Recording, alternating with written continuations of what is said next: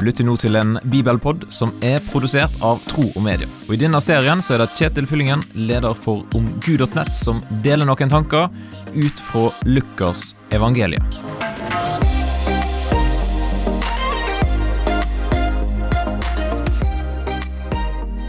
Synes du at det er vanskelig å tro?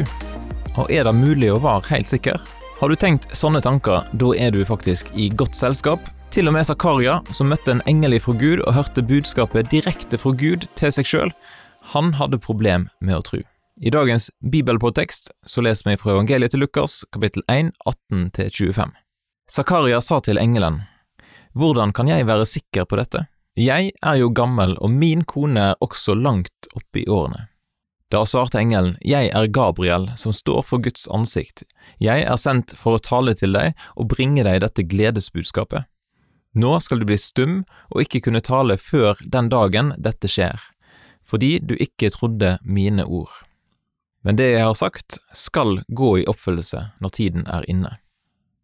Imens ventet folket på Zakaria. De undret seg over at han ble så lenge inne i tempelet. Da han kom ut, kunne han ikke tale med dem, og de forsto at han hadde hatt et syn der inne.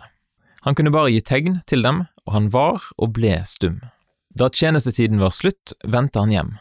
En tid etter ble hans kone Elisabeth med barn, og hun holdt seg borte fra folk i fem måneder.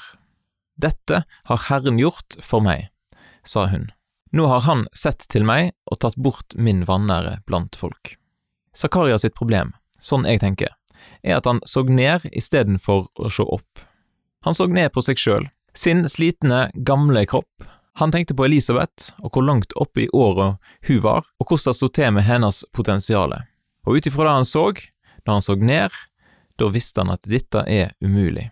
Men dersom han i stedet hadde løfta blikket opp på engelen, opp mot Gud som hadde sendt ut denne engelen med dette budskapet, sitt på hva som er Gud sitt potensial, da hadde kanskje ikke tvilen vært så dominerende. Tvilen er en naturlig følgesvenn til trua. Spørsmålet er ikke om vi tviler, men hva vi gjør i møte med tvil. Hvor vi fester blikket. Zakaria ble stum og måtte tilbringe mye tid i stillhet. Det kan òg se ut som han mistet hørselen.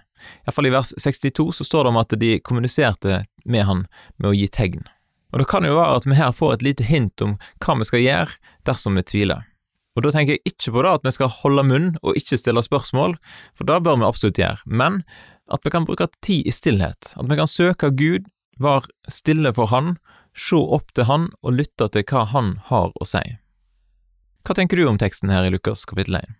Du kan gjerne dele dine tanker med meg, send en e-post til kjetil.tromedia.no, og del gjerne òg Bibelpodden med noen som du tror kan ha nytte av den.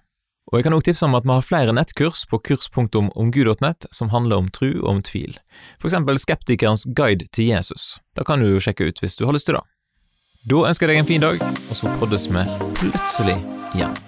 Takk for at du lytter gjennom denne bibelpodden, og vil du gi en tilbakemelding på det som du hørte, eller vil du lære mer om kristen tro, da kan du gå til nettsida omgud.nett. Eller du kan sende en e-post til kjetil.